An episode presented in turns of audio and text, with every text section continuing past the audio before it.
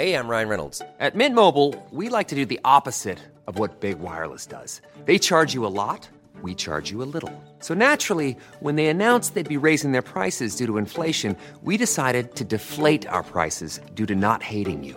That's right. We're cutting the price of Mint Unlimited from $30 a month to just $15 a month. Give it a try at mintmobile.com slash switch. $45 upfront for three months plus taxes and fees. Promo rate for new customers for limited time. Unlimited more than 40 gigabytes per month. Slows. Full terms at mintmobile.com.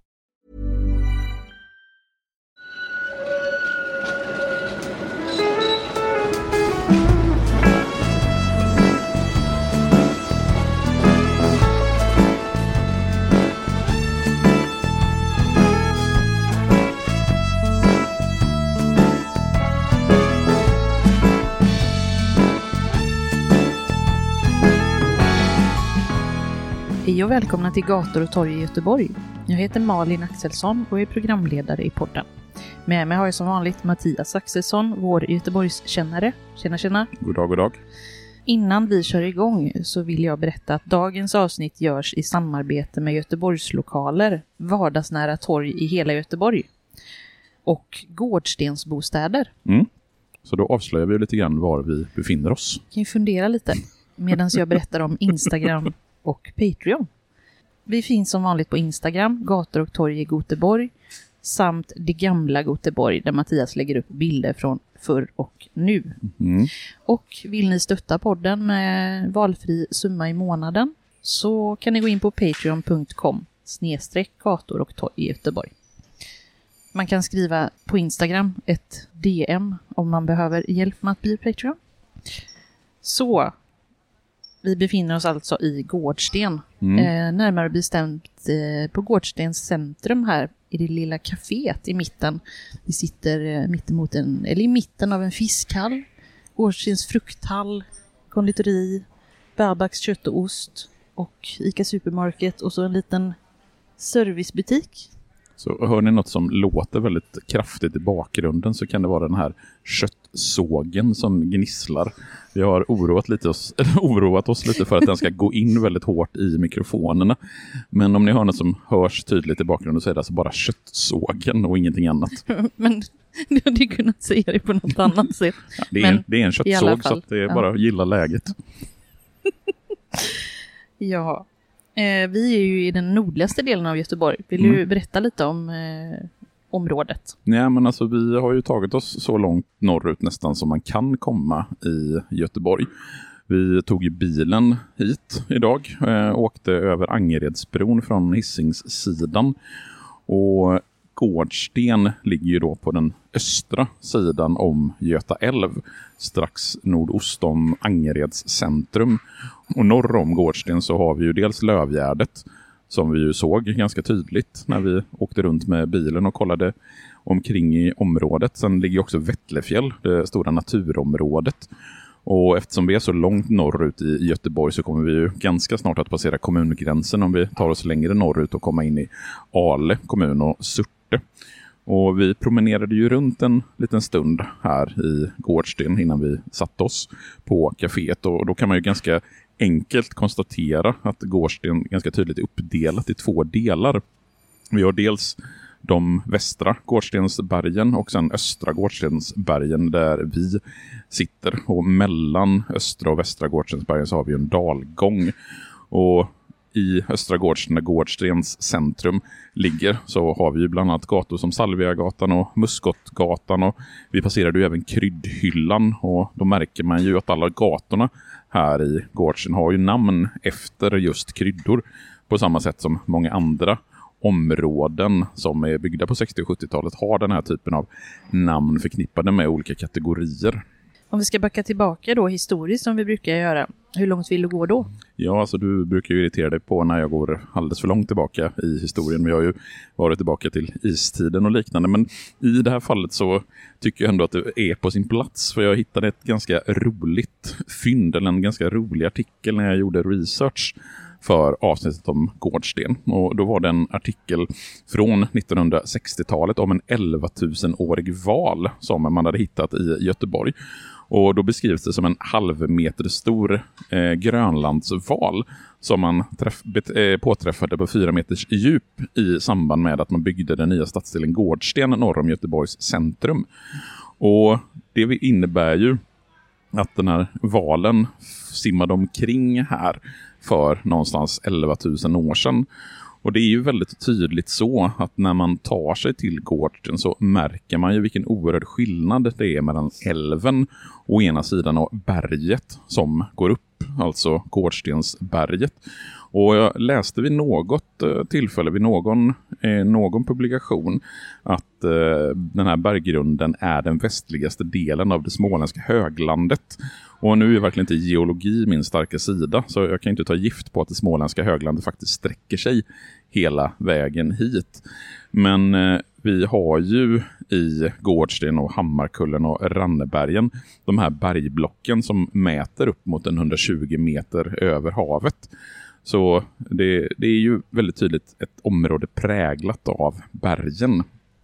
Svårt att tänka sig när man har åkt så här högt upp som vi är nu, att det skulle legat under ha, havets yta. Mm.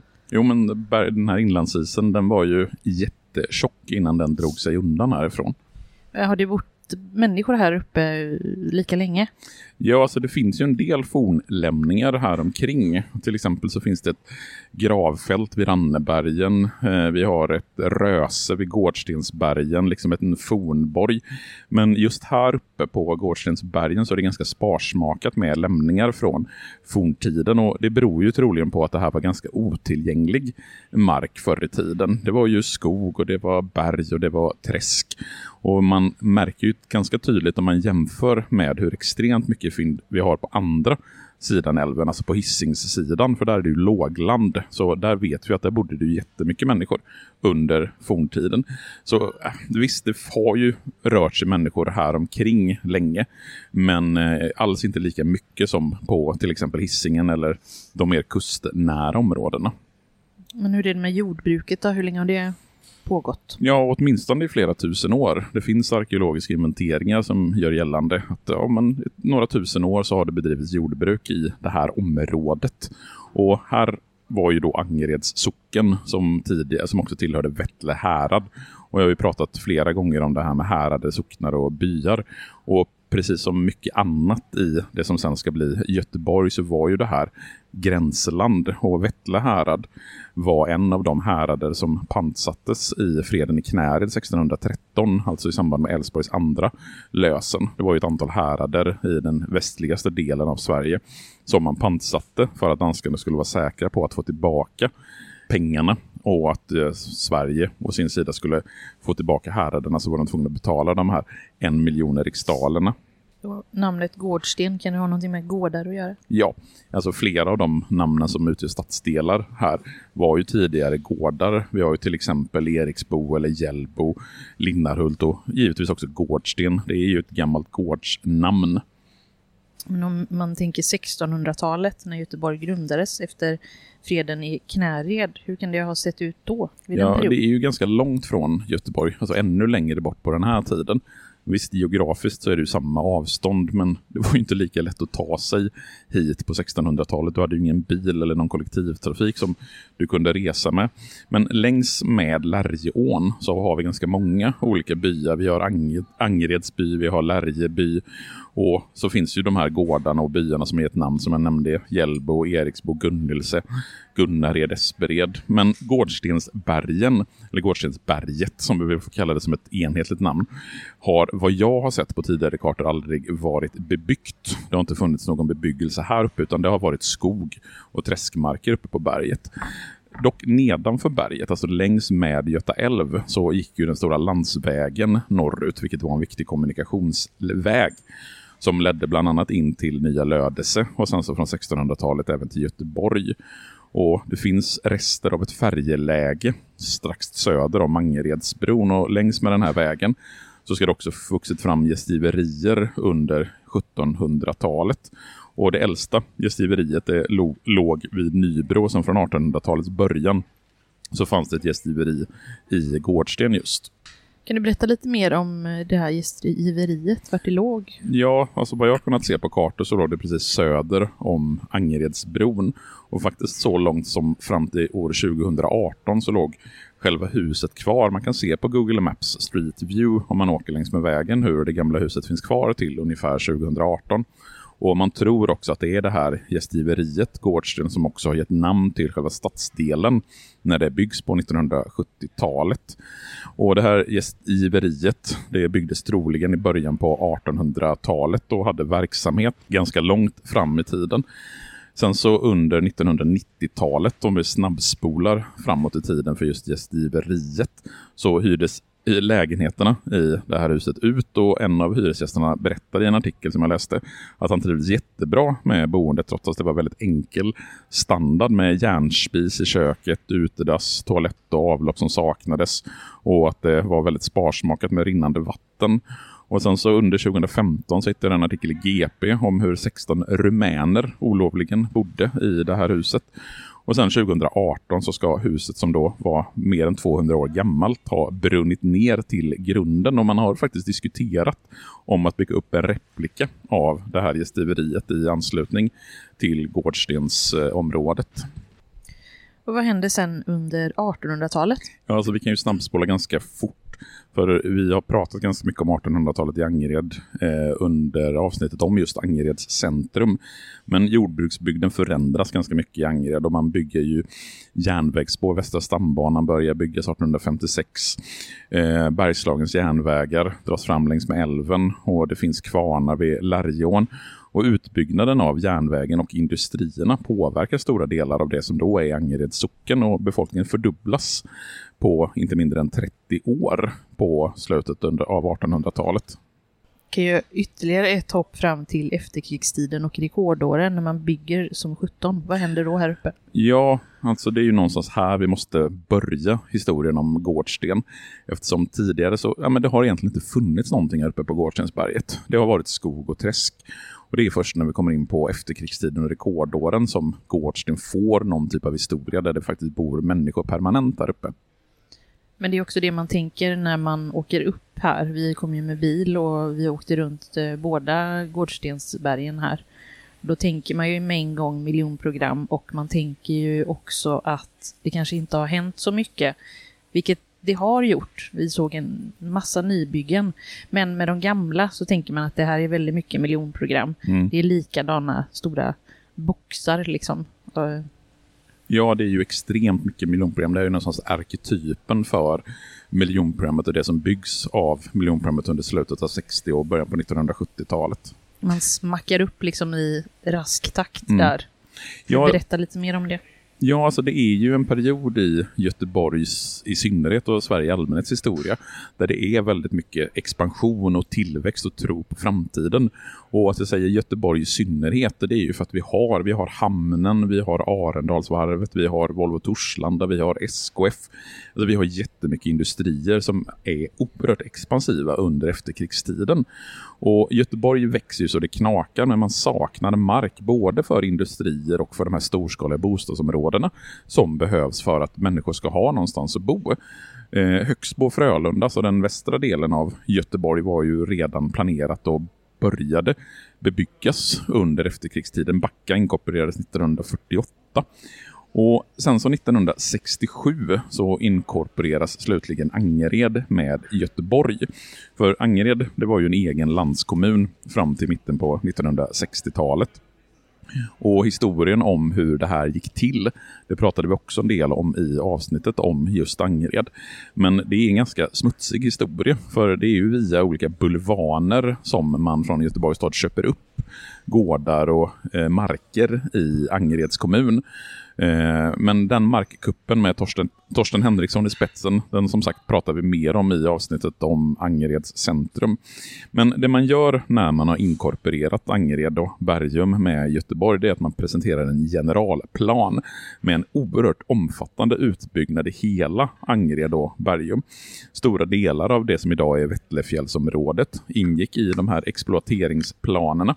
Och tanken var ju att det här skulle bli ett självförsörjande område med eh, runt 150 000 invånare.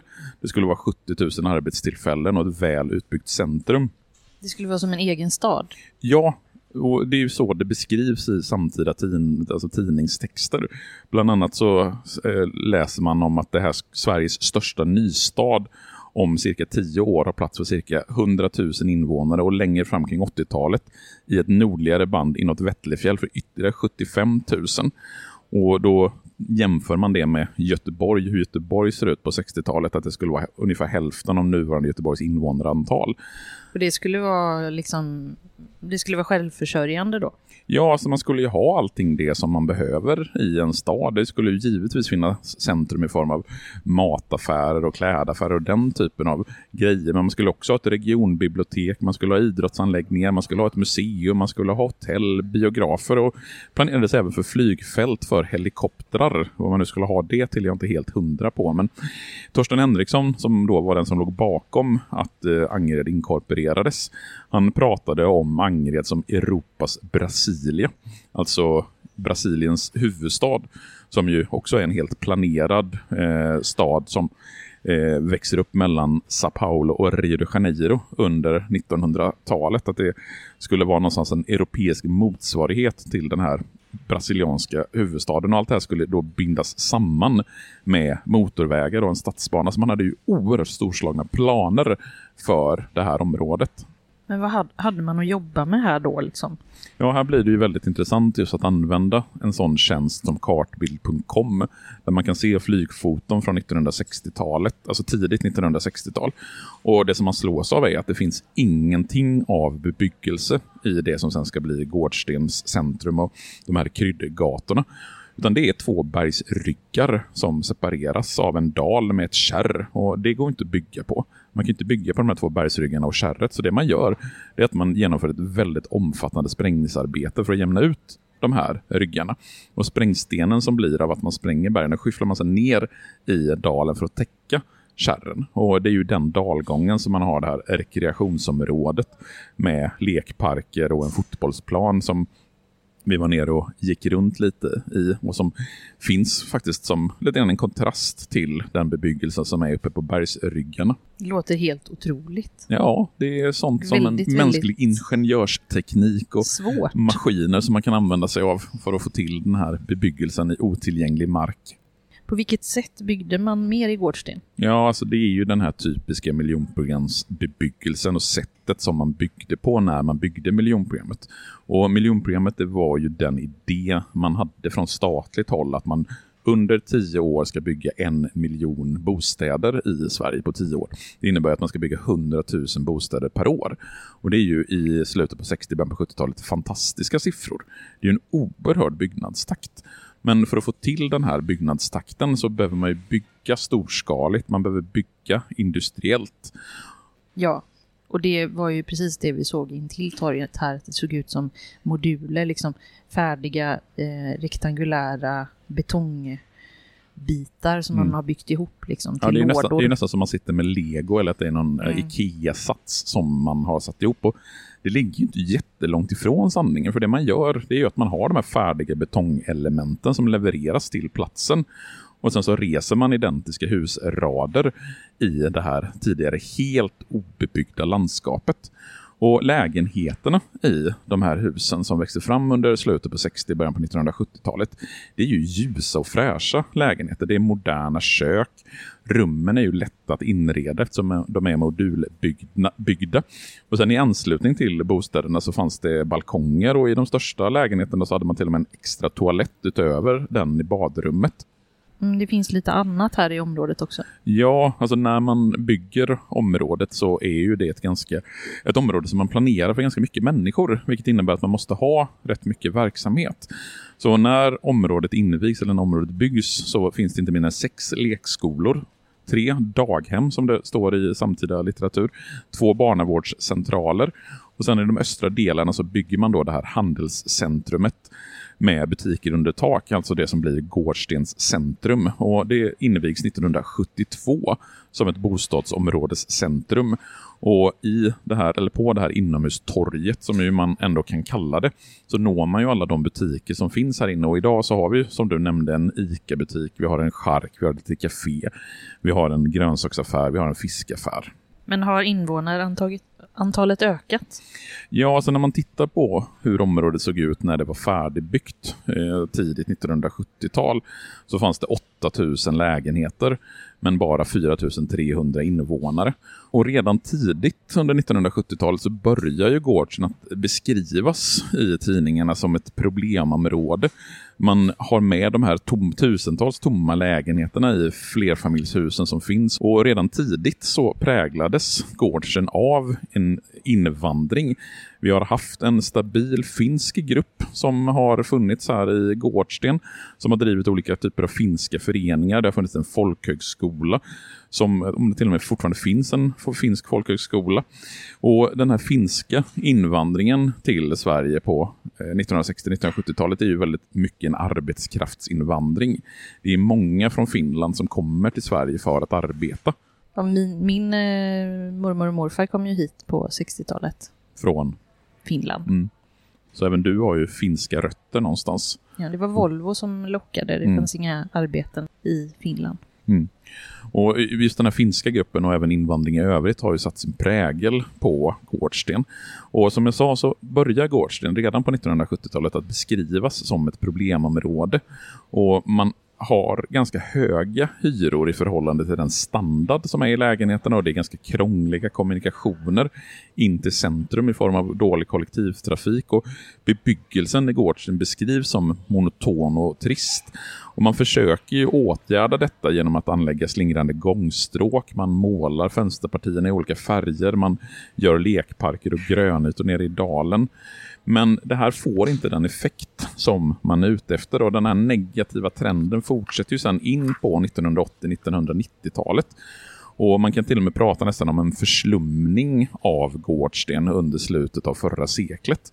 Husen var i dåligt skick, det regnade in i de översta våningarna. Och in på 1990-talet så fanns det faktiskt en diskussion om att man skulle riva hela Gårdstensområdet. Och det finns gott om artiklar från just 1990-talet om hur man planerar att riva husen här uppe i Gårdsten just för att de är så nedgångna. Jag ska lägga upp en del av de här notiserna i, på vårt Instagram-konto. Men vi sitter ju här idag så att det måste ju hänt någonting som ändå gjorde att man ville bevara och ändra utvecklingen. Ja, det som händer i slutet på 90-talet som en reaktion på det här det är att Gårdstensbostäder bildas 1997 och köper upp alla fastigheter i området. Och tanken är att den nya Gårdsten skulle formas av hyresgästerna. Man skapar en ganska platt organisation där de boende faktiskt har en möjlighet att påverka. Och redan från början så utgjorde de boende faktiskt en majoritet i styrelsen för Gårdstens bostäder. Man rekryterar huschefer som får ansvar för olika områden. Och Det innebär att antalet företag i Gårdsten ökar från 80 till runt 50 företag. När matvaruaffären eh, planerade att lämna området så gick själva bostadsbolaget in och tog över butiken under några år för att de ansåg att det var så viktigt att det skulle finnas en matvaruaffär i området. Man rustar upp husen, man moderniserar husen. Sen så har man ju på Gårdstens centrum byggt till en torgyta. Och det kan man ju se ganska tydligt om man kommer in från busshållplatsen. Att det är en del där som är tillbyggd i nutid. Man kallar den för Salvia-torget. Och i Gårdstens centrum idag så finns det ju ganska många olika verksamheter och nya byggnader har ju tillkommit kontinuerligt runt omkring. Eh, de första parhusen på Salvia-terrassen var klara 2005. 2012 så byggde man radhusområdet Kryddhyllan som har utsikt ner mot Göta älvdalen. Och sen så 2019 så blev Gårdsten faktiskt det första området i Göteborg som ströks från polisens lista över särskilt utsatta områden. Det finns ju ett antal sådana områden här i Göteborg, men Gårdsten var det första Göteborgsområdet som togs bort från den här listan över särskilt utsatta områden. Nu börjar det bli livligt här på torget. Man, folk Ung- slutar arbetet och ungarna kommer från skolan, skolan. framförallt. Hänger lite på torget. Ehm, Fanns det kritik mot den här modellen? Ja, jag har ju försökt leta efter en del kritik eftersom den är ju oerhört hyllad, den här gårdstensmodellen som man kallar den. Det... Men är det just det här att eh, grannarna och det här bostads... Går... Gårdstensmodellen, det är alltså att grannar och eh, gårdstensbostäder går ihop för att Ja, att man, att man involverar de boende, Ja. att man rustar upp och att man liksom på något sätt får, får liv i området. Och det är ganska spännande att jag har hittat så pass lite kritik mot den här modellen. Visst, det finns ett antal artiklar från GP till exempel om att gårdstensmodellen inte är någon mirakelkur. Eh, och även att man har gått lite väl långt i att bryt, eh, vräka normbrytande hyresgäster och liknande. Men kritiken mot gårdstensmodellen är ganska sparsmakad av vad jag har hittat och jag har ändå försökt leta ganska mycket efter kritik mot gårdstensmodellen. Och vad, se- vad har vi att säga om framtiden? Ja, det finns ju en vision Gårdsten 2025 som handlar om att man ska bygga mycket nytt i Gårdsten. Man ska bygga 1500 nya bostäder under en tioårsperiod.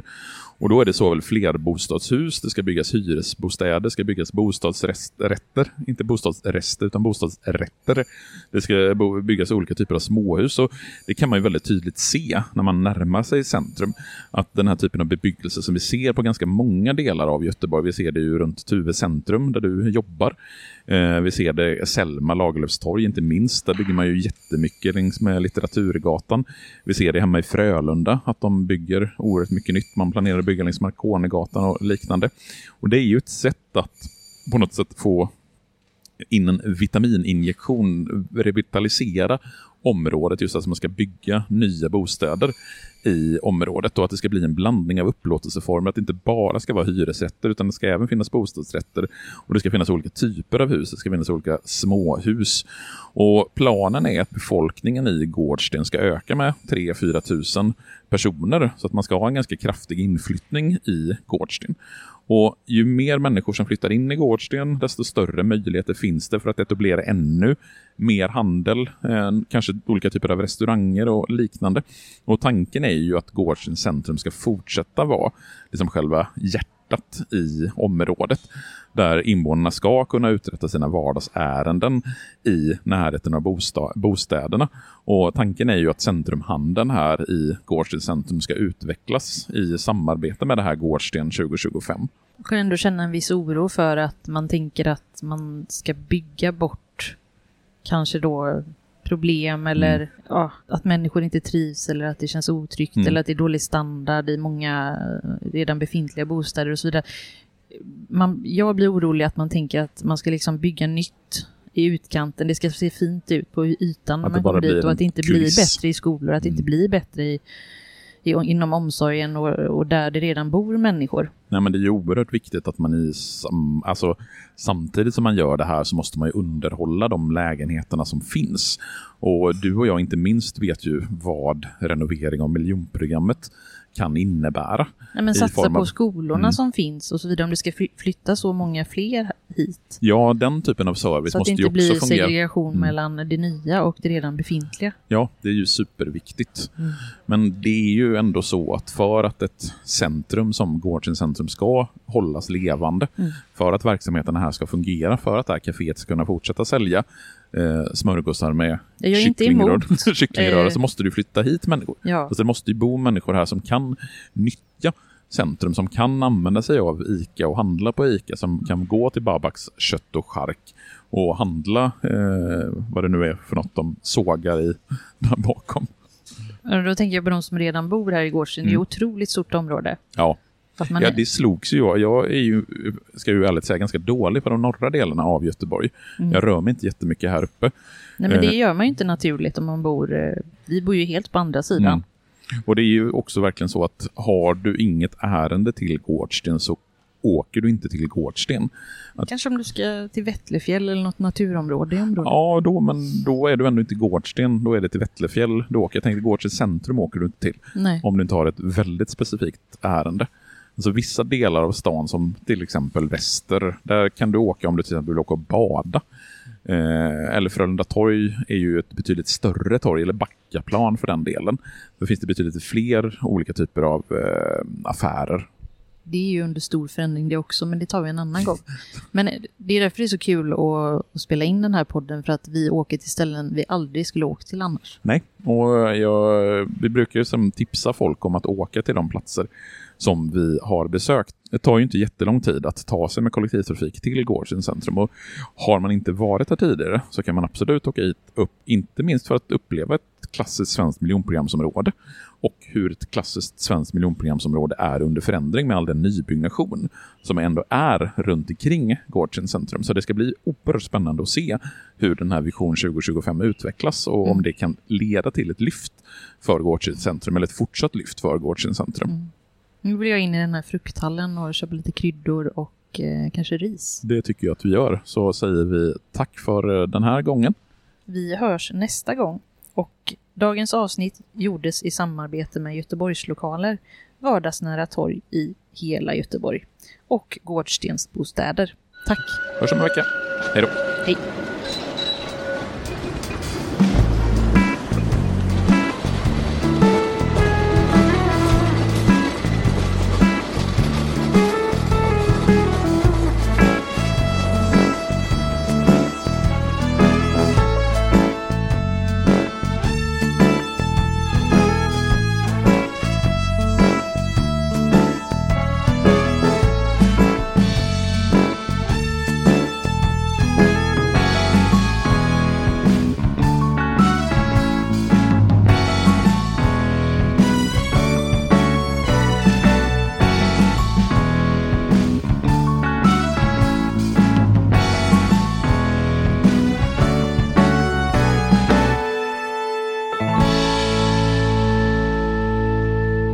Gator och torg i Göteborg produceras av Reostat Media AB.